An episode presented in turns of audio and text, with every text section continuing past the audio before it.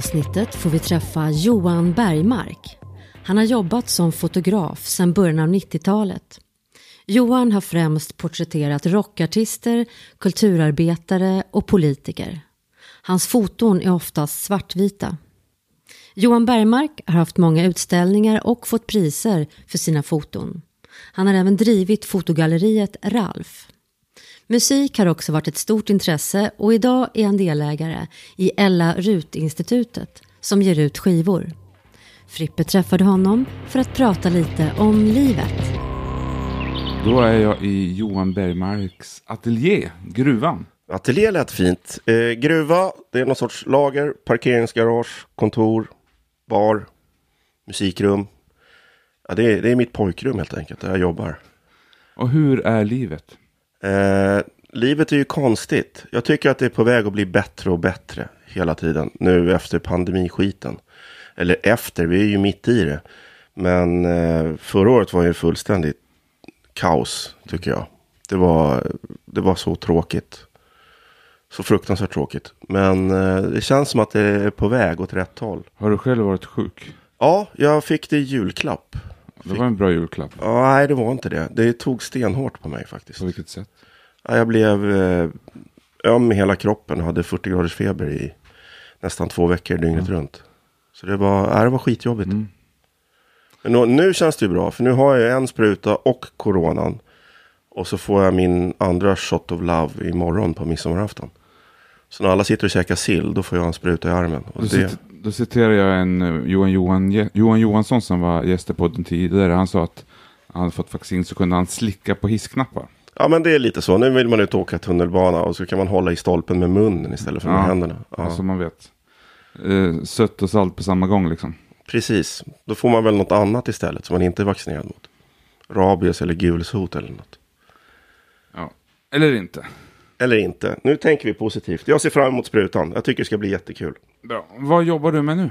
Nu eh, jobbar jag med som vanligt blandade jobb. Jag är glad att jag har jobb. För eh, det var ett tag sedan man hade det. Jag har precis varit uppe i Norberg och hängt en utställning. Eh, och det är jättekul att få publik och få hänga konst igen. Jag hade ju min livs största utställning mitt i coronan. Det var ju ett fullständigt fiasko. Jag hade 187 bilder på Hälsinglands museum. Oj. Och jag hade en hel våning. Och jag tyckte det var otroligt stort. Och så var det öppet en vecka, sen stängde de. Oj då. Så det var ju lite mindre kul. 187 bilder. Och vad var det för? Det var samlat allt Nej, det var bara musik. Bara rock'n'roll. Så att jag, jag drog på ordentligt. När jag fick en sån fin eh, yta. Och då går man in i en bubbla och så står man och, och, och så undrar man hur gammal man är egentligen. När man hittar gamla bilder på artister som dog för 20 år sedan. Och man får lite panik. Vad fan, är jag 100 år?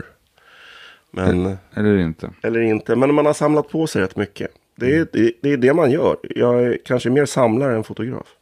Men hur kom du in på att börja fotografera från början? Eh, för det första så, det är ju musiken som fick in mig på fotografiet. Jag, när jag var 13-14 år så var jag, jag älskade ju musik lika mycket då som jag gör nu. Och så gick jag på min första konsert, vilket var en Black Sabbath-konsert, jag var 13.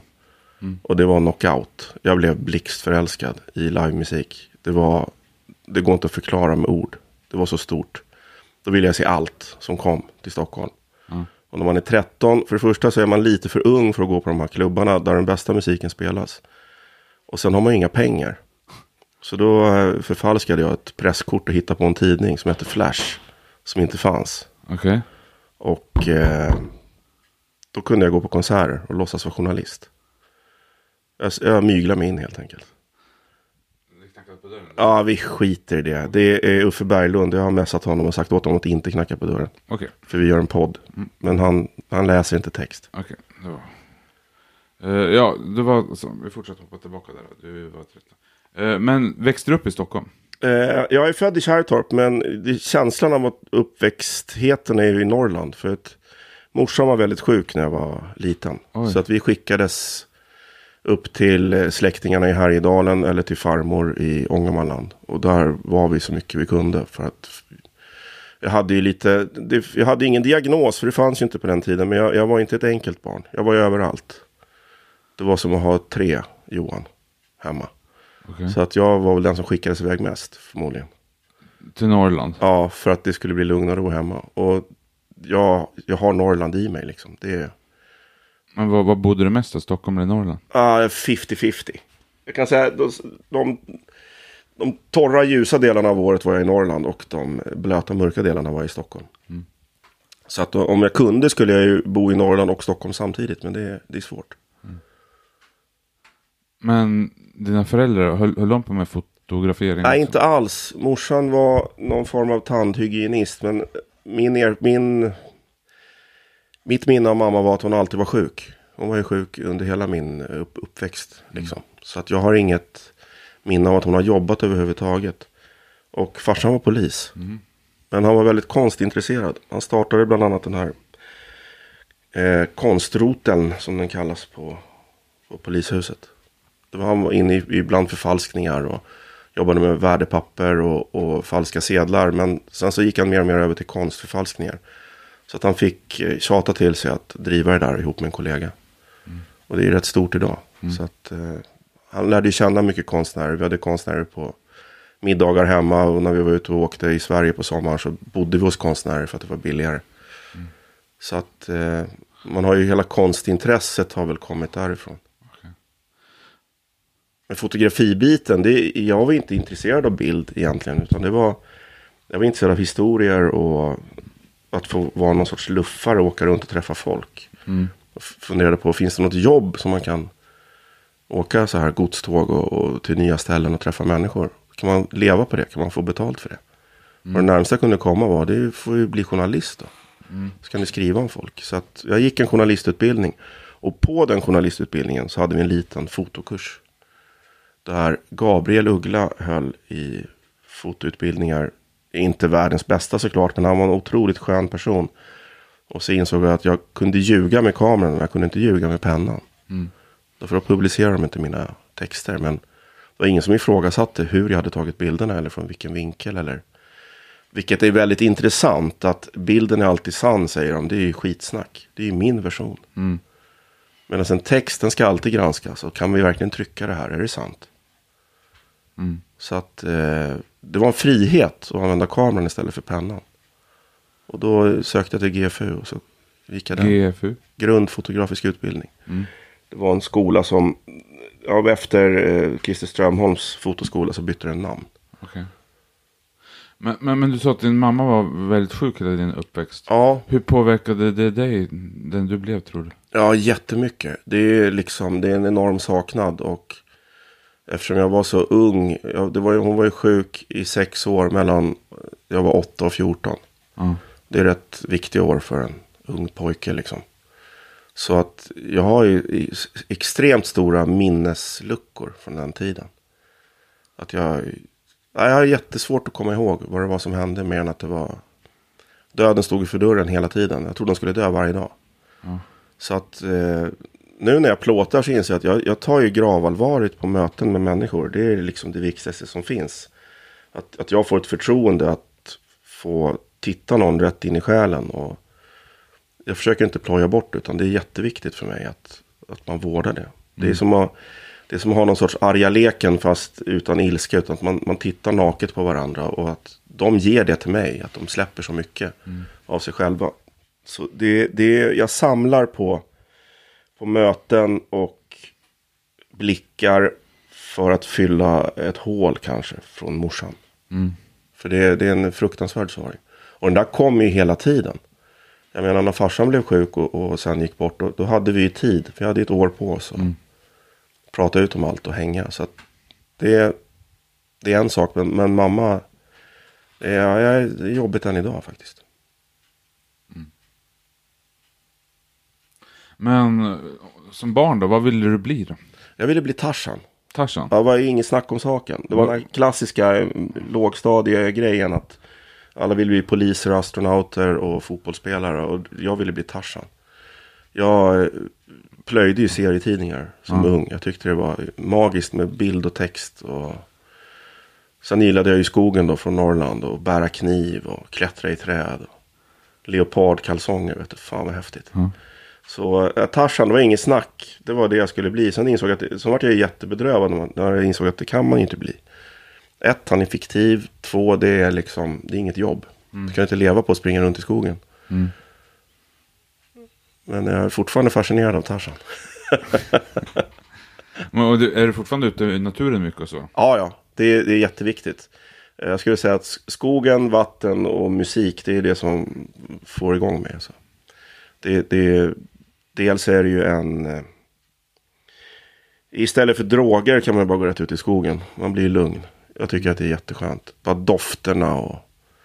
Och det spelar ingen roll om det är blöt höst eller sommar och mygg. Utan jag, jag gillar ju det. Jag är ju lite av en fiskidiot också. Så jag, jag tvingas ju ut eftersom man måste fiska. Och då det spelar ingen roll om du inte får någon fisk. Det är skönt att komma ut och ha ett mål. Och vara ute en hel dag. Men du sa att du var musikintresserad. När konserten, spelar du själv instrument? Nej, jag är för dålig. Jag har ju naturligtvis harvat i några punkband och tagit livet av föräldrar vars vilja att låta deras barn slå på trummor i källaren har resulterat i att jag kommer hit med en elgitarr och förstör hela deras eftermiddagar. Men eh, det är ju, drömmen vore ju att vara duktig på musik, men, men jag är inte det. Eh, Jag, jag har världens bästa musiksmak däremot. Vad gillar du för musik då? Allt som är bra. Och vad är bra då? Ja, det är, det är när det berör. Och det gör ju väldigt mycket musik. Men just nu är jag inne i en sväng av, av americana. Jag tycker att det är otroligt bra. Så här lågmäld, country-aktigt doftande. Singer-songwriter-stuket. Det började ju med hårdrock och sen gick det ner till blues. Och sen har jag varit inne i jazzsvängen. Men hur pass viktig är musiken och texten om man svänger dem ihop liksom? Ja, det sitter ihop så är det fantastiskt. Det är, det är en, ul- en fantastisk konstform. Eh, text och musik ihop. Alltså det, jag är ju avundsjuk. Jag, jag får ju bara göra tysta låtar. Mina bilder har ju ingen text. Men de kanske sjunger i skallen på folk när ser Ja, dem? det, jag hoppas att det ska låta lite om dem. En, en bra dokumentärbild tycker jag har ljud. Ett porträtt kan ju vara lite mer valsång då kanske. Som jag helst inte vill lyssna på. Men träffa gärna valar. Men, när, men du har ju tagit mycket fotografier på musiker och rockfotografer. Ja, det är ju återigen den här, hur det började det? Jo, jag gick på konserter. Jag var någon sorts fake-journalist. Och sen så insåg de att det finns inga tidningar som jag kunde lämna till arrangörerna. Så då snabbt sa jag om till, till fotograf på den här tidningen. Så då kunde jag lämna printar. När jag kom tillbaka nästa gig så fick de några bilder från giget innan. Och, och så höll jag på så istället. Och då bara, här var ju inte svårt. Det var ju rätt lätt att ta en bra rockbild. Tyckte jag. Och sen efter det så halkar man ju ner i logen och så börjar man plåta banden och så ville de ha pressbilder. Och på den vägen är det och så hade det lätt för det där.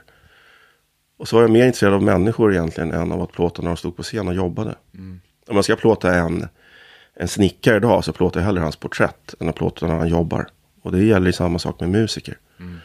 Eh, när jag började så var det ju snyggt med livebilder. Jag stod alltid i publiken. Jag stod aldrig i det här diket där alla andra fotografer stod. Det var viktigt att ha publiken med. Så det var ett spel. Ett böljande fram och tillbaks. Armar, händer, någon som surfade på ryggen. Idag går ju inte det. Det är ju 3000 idioter med mobiltelefoner som står och lyfter upp dem och filmar. Istället för att njuta av stunden. Ja, det är faktiskt... Ja, Det, det är fullständigt vansinnigt. Jag menar, Och de där bilderna brukar inte bli så bra heller. Nej, de, alltså små korta livesnuttar som man kan lägga ut på Instagram direkt för att tala om för sina kompisar som inte är där att jag är här. Jag tycker att det är vansinnigt. Det är ungefär som när du, om du är på Stilla havet och så kommer en flock delfiner till båten och så börjar alla idioter och plåta dem. Det blir jättedåliga bilder. Det finns bra bilder på delfiner ute på nätet, men släpp kameran och njut av något som du inte får vara med om sen. Och det gäller konserter också, tycker jag. Men så, har du någon sån här konsert som har varit liksom, den där konserten den, ja det var helt magiskt att plåta. Så riktigt extremt. Ja, någon som Bäst var of. magisk att plåta, det var när Suede var här. Det var deras första utlandsspelning. Året var då kanske Ja, nu snackar vi om sånt som jag är skitdålig på. 1900-talet. Ja, Tidigt. första halvan av 90-talet. Okej. Mm. 92, 93, 94, ish. Eh, för det var sånt tryck på publiken och det var sånt bra fart på bandet. Det var deras första utlandsgig. De hade precis slagit eller skulle slå stort. Och eh, då hade jag bara med mig en liten pocketkamera. Så att jag kunde vara eh, livebesökare lika mycket som jag var fotograf. Så Så jag tittade inte genom kameran en enda gång och så tog jag två rullar film. Eh, och det blev magiska bilder också. Det, det, det är bra med små saker. Men det var också den, du fick flera priser där. Ja, jag fick, jag, jag, vann, jag gillar ju inte att tävla och jag gillar inte folk som tävlar. Men du gillar att vinna. Ja, vinna är ju jätteviktigt. Ja, det är viktigt. Ja, det är det. Man måste komma först. Eh, och man måste göra flest mål.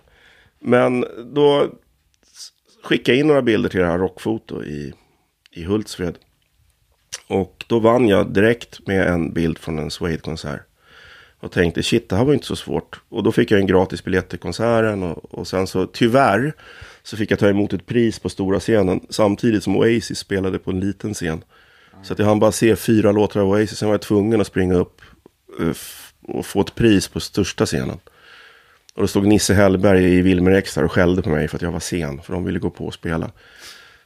Eh, Så jag fick det där priset. Sen sprang jag tillbaka till Oasis och såg de två sista låtarna. Fick du någon bra bild på Oasis? Nej, då jag körde då. Jag, det var konserten var viktigare. Sen Oasis är ett skittråkigt liveband. De står ju bara still.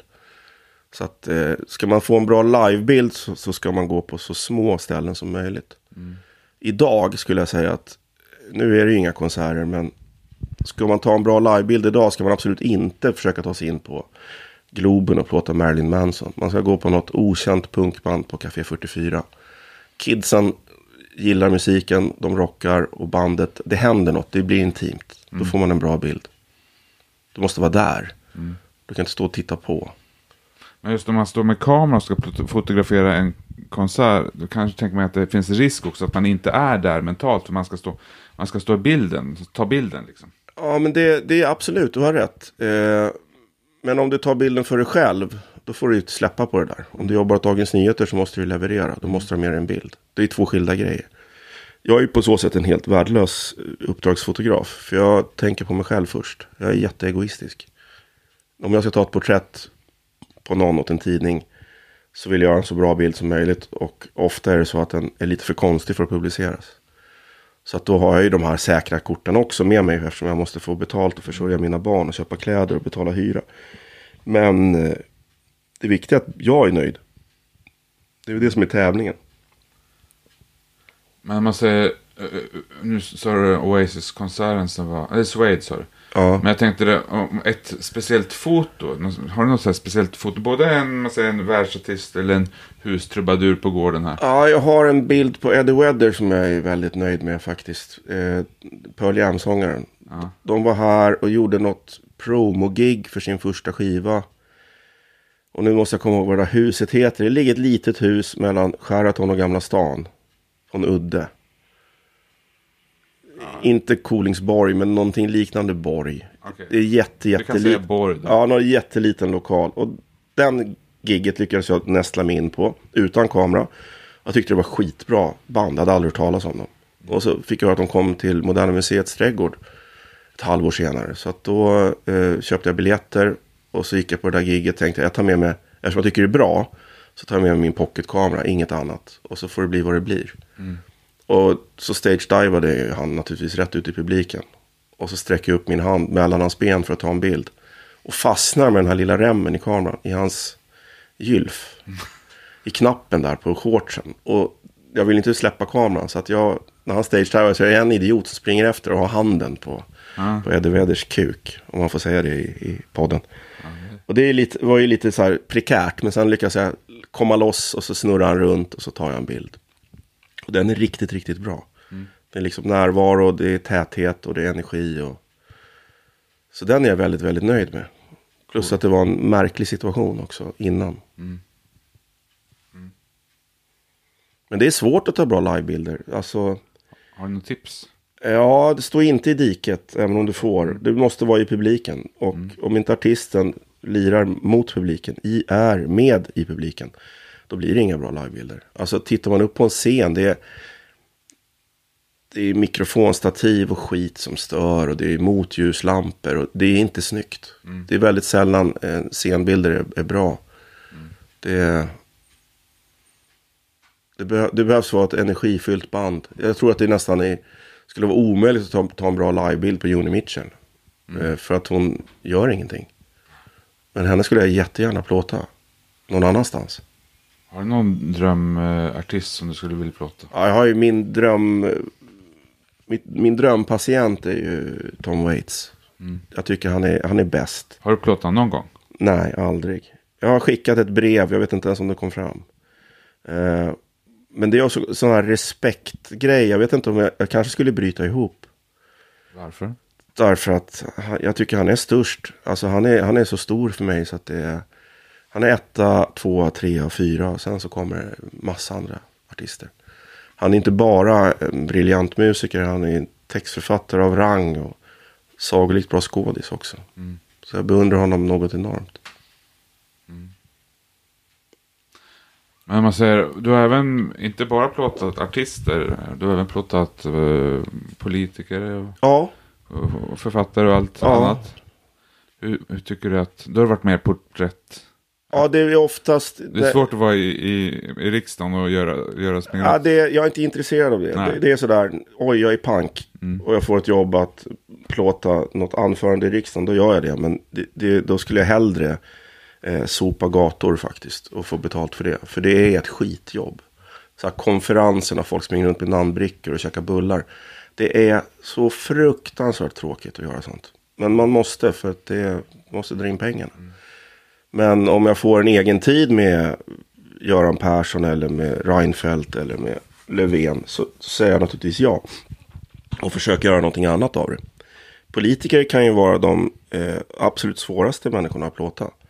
Därför de övertänker allting. De vänder sig om och tittar på bakgrunden och bara, "Åh, hur ska det här tolkas? Vad kan det bli för bildtext på det här som blir fel för mig?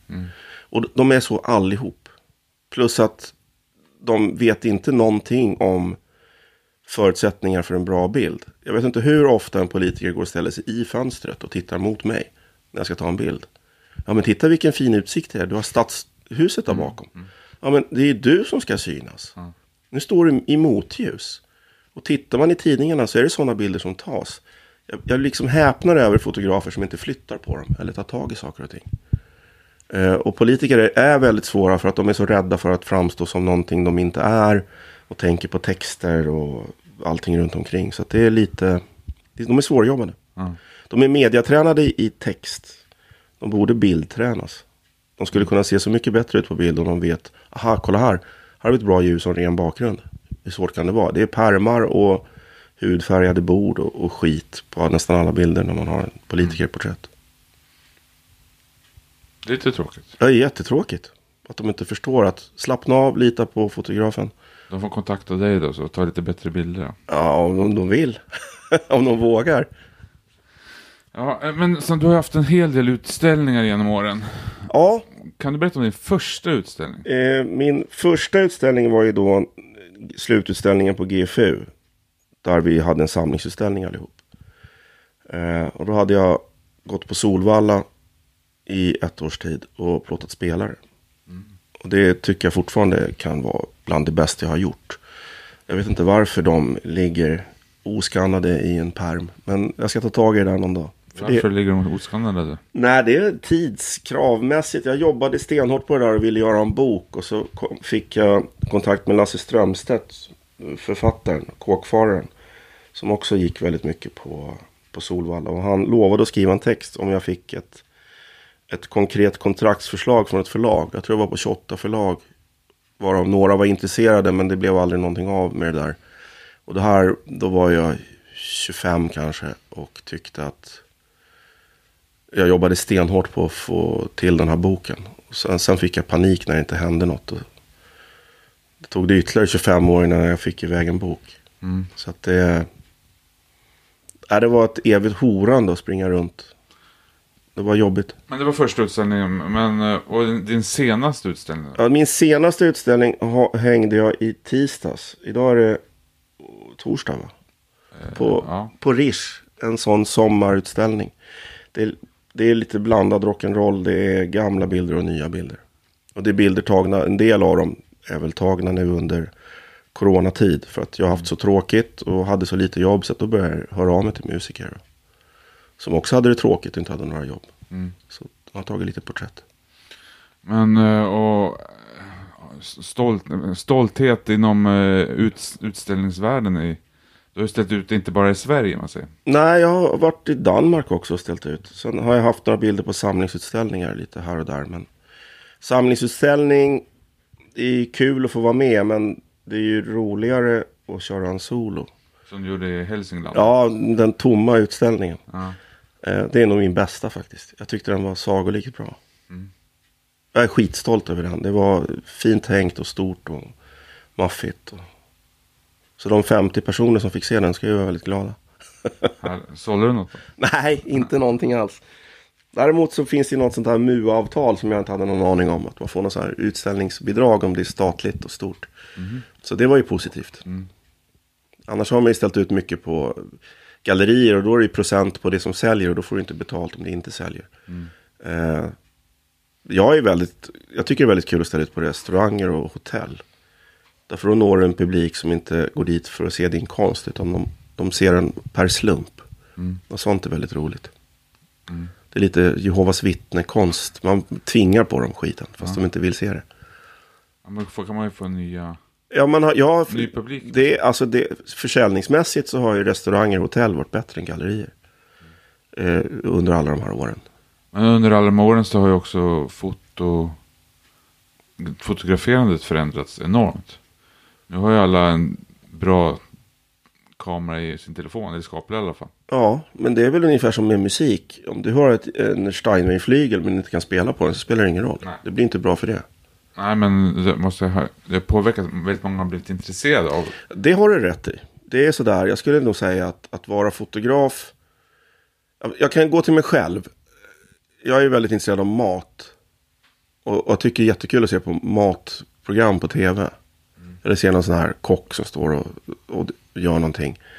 Och tänker, fan vad, det där kan jag göra själv, tänker jag.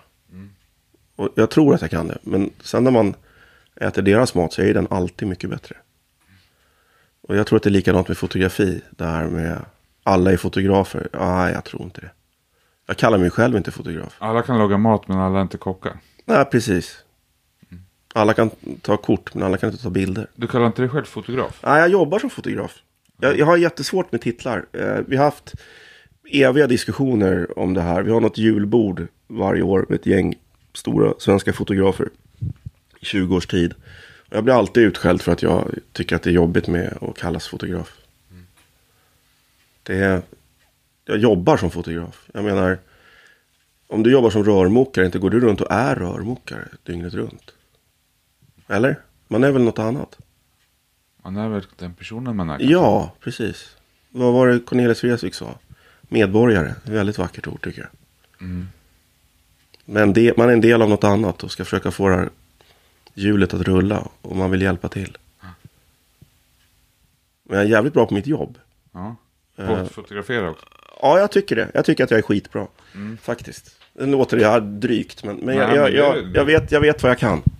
Ja, men det känns ju som att eh, du har ganska bra självinsikt med tanke på att det är många som gillar dina fotografier och du får uppdrag kors och tvärs. Ja, tack. Uppdrag är jättekul. Det, det är en sån uppskattning man får också. Jag tycker att det, man blir glad när det ringer någon och, och säger hej, vill du, vill du plåta Magnus Uggla? Ja, tack. Åh, tack för att ni tänkte på mig. Plåtade Magnus Uggla rätt nyligen, eller? Jag plåtade honom till hans bok faktiskt. Han gjorde en självbiografi. Och då plåtade jag Uggla till den. Och jag ska plåta honom nu klockan tre. Oj, Igen för en tidning. okej. Så att, eh, och han har, det har dribblats nu den här plåtningen. Han är väldigt coronarädd.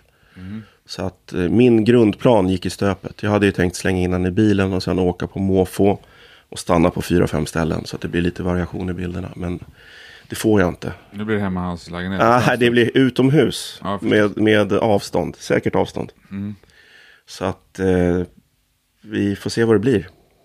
Och jag, det är också skönt. Jag gillar inte att ha någon plan. Det, det är bättre att det går på uppstuds. Om du har en plan och bestämt att nu ska jag göra det här. Den här miljön vill jag ha. Och titta den här lilla, det här lilla hålet i väggen. Där vill jag trycka in Magnus. Det blir jättesnyggt. Och sen säger han nej. Då står jag där och, och känner mig paff. Och har inga idéer. Så det är bättre att vi bara kör. Se vad vi springer in i.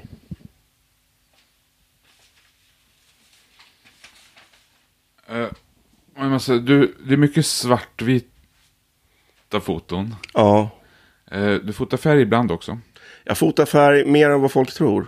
Men som på mitt Instagramkonto så har jag valt att bara lägga ut svartvita bilder. Och det är för att det är det jag vill göra. Eh, jag lägger ut de bilder jag vill att folk ska anställa mig för. Och som jag tycker att folk borde investera i. Liksom. Jag lägger ut det som, som är jag. Eh, jag skulle kunna visa att jag kan plåta konferenser som vi pratade om. Jag plåtar prylar mot vit bakgrund. Jag gör alla möjliga skitjobb. För att överleva. Det är ju, fotografering är ju ett hantverk. Det är ju som en bra snickare ska kunna allt. De ska kunna bygga den där verandan, vilket inte är så kul. Det de vill göra det är att bygga det där specialdesignade ellipsformade matbordet. Men det har de inte råd att göra för det tar ju skitlång tid och så kan kunden inte betala för vad det är värt. Eh, jag försöker göra, göra det mest. Jag försöker göra de där små ellipsformade matborden fast inom foto. Och det blir väldigt mycket tid och kraft och så genererar det inga pengar. Så då måste jag göra andra också. Men jag är lyckligt lottad. Jag får uppdrag som där jag kan ta mina bilder också samtidigt som jag får betalt för färgbilderna som jag levererar. Och så söker jag upp folk av egen fri vilja. Men har du, man säger, tittar på dina bilder så är det mycket, det känns som att det är mycket, man ser själen på personen. Liksom. Tack, det är det jag är ute efter. Det, det har väl också att göra med det här, det här svarta hålet från morsan, att jag måste laga något. Att jag aldrig fick tillfälle att lära känna henne på djupet som jag fick med farsan. Och då är det så viktigt för mig att, att ta den chansen när, när han fick sin dödsdom. Att jag tänker inte släppa det här, jag tänker ta alla jobbiga frågor. Och så gjorde vi det. Men det fick jag aldrig göra, jag fick inget avslut. Så att jag är väldigt direkt på när jag träffar någon. Att det är, det är inget trams. Det är, jag, jag vill ha, jag vill ha nak, ett naket porträtt. Och det handlar inte om, det är många som säger att det är så kul eh, med alla människor för alla är olika. Ja, nej, det är de inte alls. Alla är, vi är likadana. Det är det som är grejen. Att vi har exakt samma core inombords med sorg och ensamhet och kärlek och glädje. Och då spelar det ingen roll om man är ja, om du är sopåkare i Fagersta eller om du är poet i Bristol. Det är liksom, vi har samma känslor. Vissa kan uttrycka dem, vissa inte. Men vi har dem i ögonen. Alla har varit kära, alla har varit olyckligt kära. Det är, så enkelt är det ju. Det är där jag vill åt. Och det är det du kommer åt. Tack! Vad glad jag blir. Eh, du har även varit med i såna fotoböcker. Bland annat som heter Let There Be Rock. Ja, det kom en bok till slut. Det kom ju aldrig någon första bok. Så då kom det en, en, en andra bok, fast det är min första bok. Eh, Let it be rock. Jag har ju plåtat, musik har ju varit så viktigt för mig genom livet. Och det är en inkörsport till tyngre grejer, höll jag på att säga. eh, och så har jag plåtat så mycket genom åren. Och sen hörde faktiskt en förläggare av sig och sa, du ska inte dags göra den här musikboken? Och hade inte han gjort det hade jag fortfarande suttit och samlat material. Eftersom jag inte är nöjd. Jag vill ha det och jag vill ha det och jag vill ha mer och jag vill ha det här. Så att nu tvingade han mig att få ihop ett antal bilder. Jag tror att det är drygt 150 porträtt. Oj. Live och offstage i den här boken. Och titeln kommer från första skivan jag köpte. Som är just Let It Be Rock, ACDC-skivan.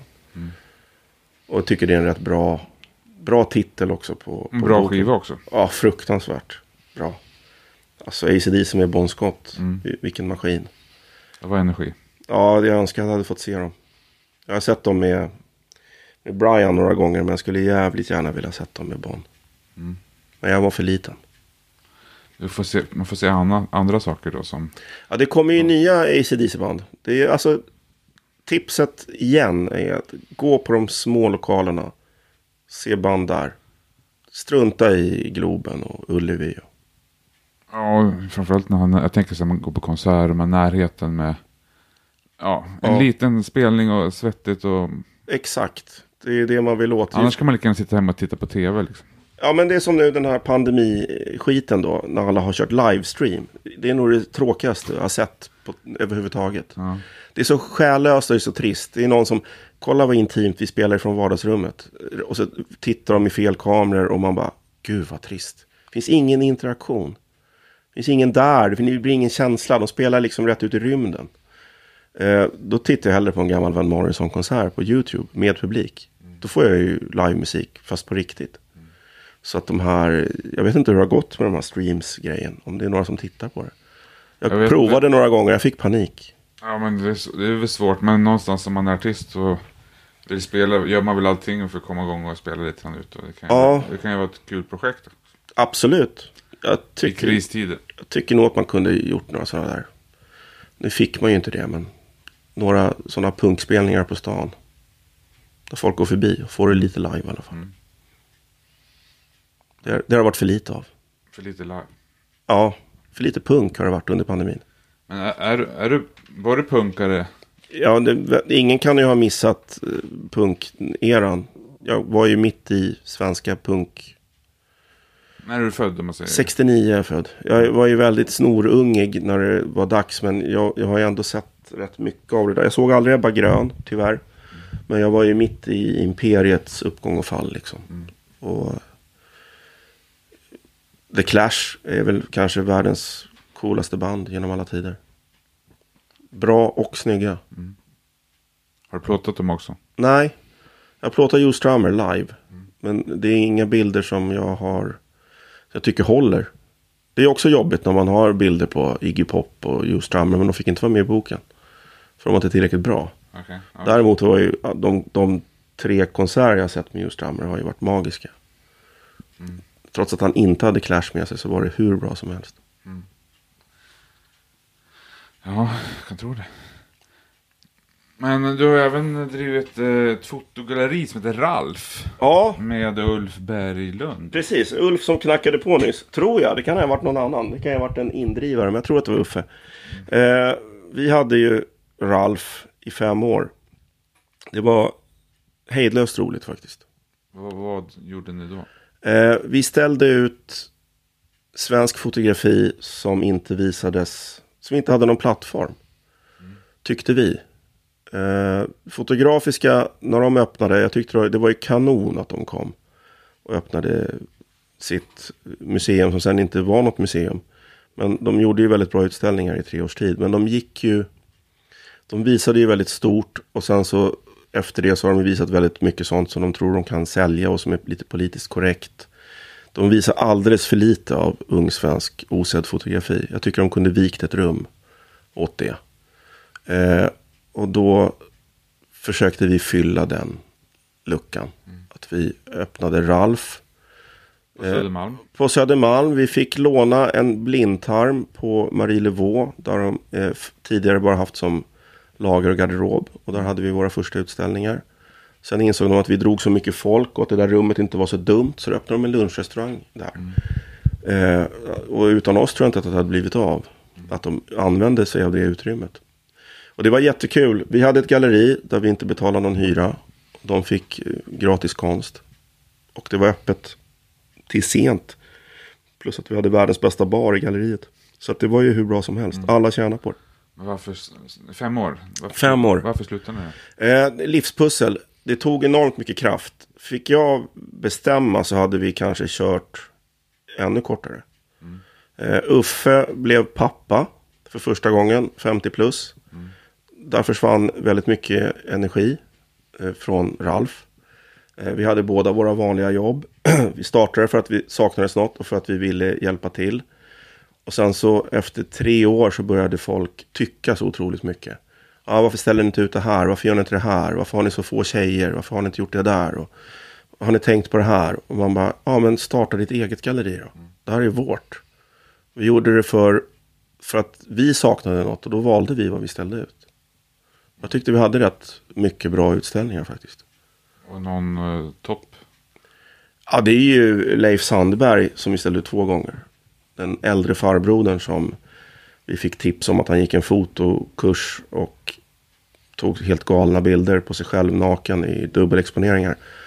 Och så tittade vi på det där och det var ju magiskt.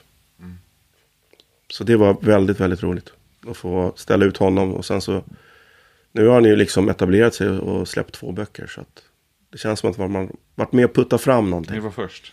Ja, i först, det, det, ja, nu är vi på tävlar vi igen. Nej, men det, jag tycker att det känns Men du kanske vann Kul. den här gången? kul att få hjälpa någon. Ja. Och jag tycker verkligen att vi hjälpte honom.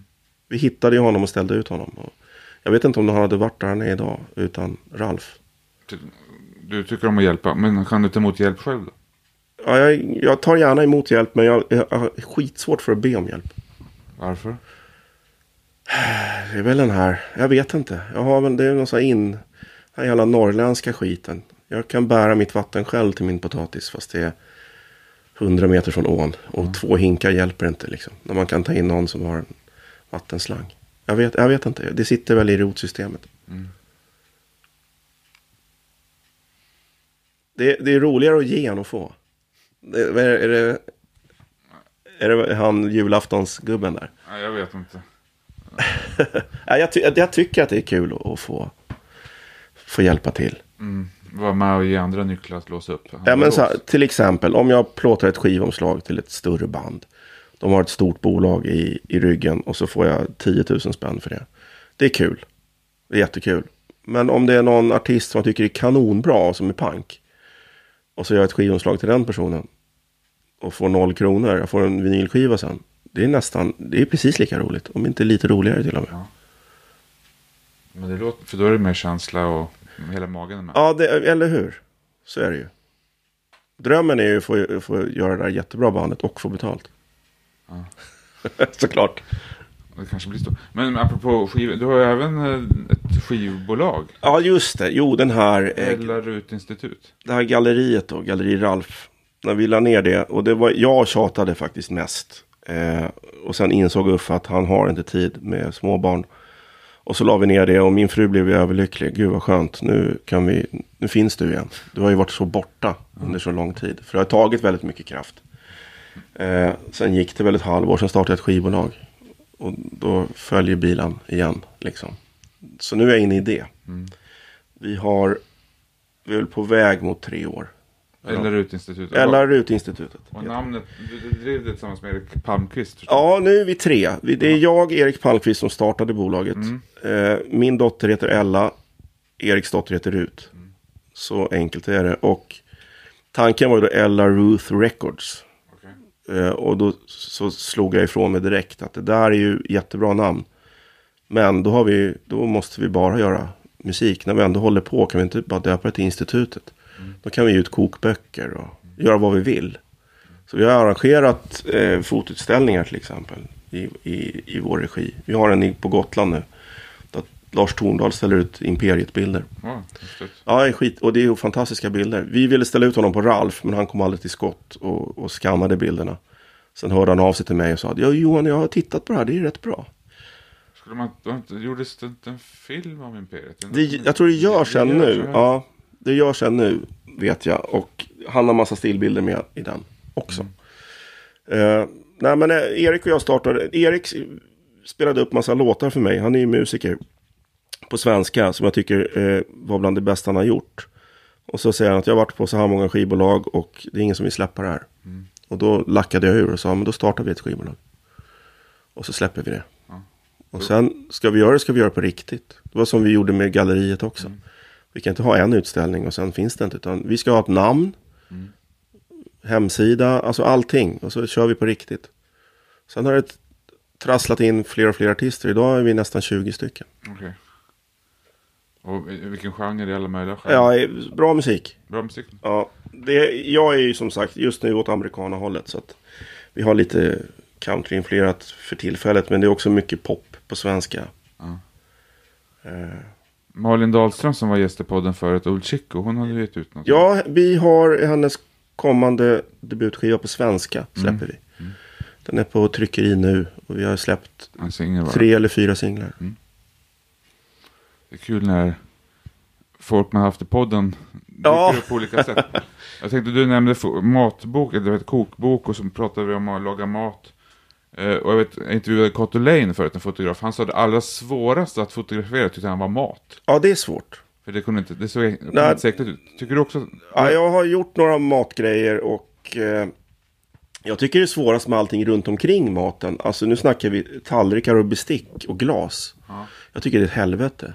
Man kan hålla på och ljussätta i evighet och, och sen så är det bästa man kan göra bara gå och ställa det i dagsljus. Men eh, det är inget som lockar mig. Det är inte så att jag söker matjobb. För det, jag, nej, jag vill helst inte göra dem. Är jag pank och de finns, då tar jag dem.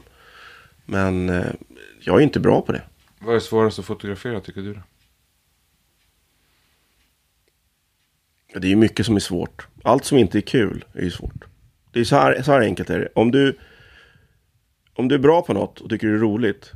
Eller vi vänder på det. Om det är något som är roligt så blir du bra. Om du tyckte det var roligt med matte i skolan, då blir du bra på matte. Och om du tyckte det var tråkigt med logistik så blir du ju dålig på logistik. Logistiken. och jag tycker inte att det är roligt att plåta mat. Jag tycker det är kul att äta mat. Och då blir du bra på att äta mat. Jag är jättebra på att äta. Jag är alltså nästan bäst i Sverige på att äta mat. Då är det blev tävlingen fall. Ja, nej, men det är kul att äta. Det är eh, vad som, jag, jag tycker väldigt mycket om att plåta bakfulla människor. Eh, människor som har rest över hela jordklotet och är jetlaggade. Eller människor som precis har vaknat. För då är de inte där. De är någon annanstans. De tittar liksom igenom dig. De, de är inte, det finns inget fokus. Du vet själv hur det är när man sitter på en veranda efter en midsommarafton och så får du inte skärpa på någonting. Den, det uttrycket, det är det man är ute efter. Då får man det gratis. Då är det bara att ställa sig framför och trycka av. Det är, det är något naket och fint i närvaro utan närvaro. Tycker du om att själv bli fotograferad när du är bakfull? Eh, jag tycker inte om att bli fotograferad alls, faktiskt. Eh, jag vet inte. Det, man, man tycker att man är snyggare än vad man är. Och det är, man är ju fåfäng. Det går inte att komma ifrån. Alla människor, om du bläddrar i ett gammalt fotoalbum så stannar man alltid när det är en bild på dig själv. Och det spelar ingen roll eh, vem du är. Man tittar på sig själv och tycker, ja, ja håret ligger fel eller vad tjock jag är. Det är väl därför selfies är så jävla populärt idag. Därför folk kan göra sig själva snyggare än vad de egentligen är. Och det, det är ju tråkigt. det finns ju skönhet i förfall. Tycker jag. Gamla människor är roligare att fota än eh, unga fräscha släta. Det här har ju hänt något. Det finns ju ett liv i dem. En svarta. Ja. Och, ja, men att eh, de har levt Ja. och det syns. Jag tycker väldigt mycket om att fota händer. Händer är vackert. Där ser man ju också om folk Ja, har jobbat. Ja, men, ja, vad säger du om mina händer då? Ja, pianospelare eller revisor. Du måste ut och jobba lite mer i, i jorden tror jag. Jag har precis tvättat händerna. Nej, varken pianospelare eller revisor. De var väldigt vackra och lena. Ja, ja. Ja. Eh, Jag tittar på dina händer, dina armar. Ja, Du har väldigt många, eller flera tatueringar. ja det, har, det är något som har hänt. Det, det är självklart har du tatuerat det en gång sen är det kört. Och grejen är att det här, är- min son har gjort de flesta. Han eh, köpte en sån här tatueringsmaskin på Alibaba eller någonting. Satt hemma och tatuerade apelsiner när han var 17. Och så ville han tatuera eh, hud. Mm. Och sa du är för ung, du får inte göra det. Och så bjöd jag hem lite kompisar med tatueringar. Tänkte de kanske kan ställa upp då som. Men sen slutade det med att he- hela gänget satt i köket och blev tatuerade. Bland annat jag. Så det, och sen har det svällt. Så att eh, en tatuering, sen drar det iväg. Men du, men säg, du har haft dels ditt egna fotograferande och eh, fotogalleri och skivbolag nu också. Du verkar vara en enorm entreprenör. Nej, jag är skitdålig entreprenör. Det, det, det är en rastlöshet tror jag. Det är väl den där sifferkombinationen som gör att man måste ha flera bollar igång. Siffror. Ja, bokstäver. Bokstäver. Ja. Men det, det, det är som någon sorts växelbruk. Om jag håller på med skivbolaget så tror jag att jag blir en bättre fotograf. Blir du inte det? Jo. Det, det, det är att om, om jag bara gör en enda sak då, då hamnar man i någon sorts fåra där man vet vad man gör. Och så blir det lite slentrian och så gör man det om och om igen. Och när jag har varit där i under långa jobbperioder där jag bara har fått koncentrera mig på mig själv. Före Galleri Ralf till exempel så tyckte jag att nu gör jag bara samma bild hela tiden. Skärp dig. Och jag kommer inte ur det där. Och sen så börjar man med Ralf och sen just jävlar, jag har en plåtning imorgon som inte jag har tänkt på. Och då vart den plåtningen bättre. För att jag inte är förberedd utan man är tvungen att, att reparera i stunden. Improvisera lite. Ja, jag tror att det är bra. Jag tror att det är bra. Och sen låtsas man ha full koll fast man inte har det. Så att patienten man jobbar med tycker att man vet vad man gör och då blir den personen trygg. Spontanresor är bättre än charter med andra ord. Att gå vilse är jättebra. Att gå vilse är bättre än charter. Ja, alltid. Spontanresor är det bästa. Och gå vilse, man lär sig mer på det än att, än att följa den där rutten som man har gjort upp hemma. Tack för idag Johan. Det var trevligt att träffas. Tack för idag Frippe, fint att se dig. Eh, Hoppas att du får en fin sommar. Fortsättning på sommaren. Tack. Och vi ses säkert igen. Ja, det måste vi. Vi har mer att snacka om. Ta hand om dig.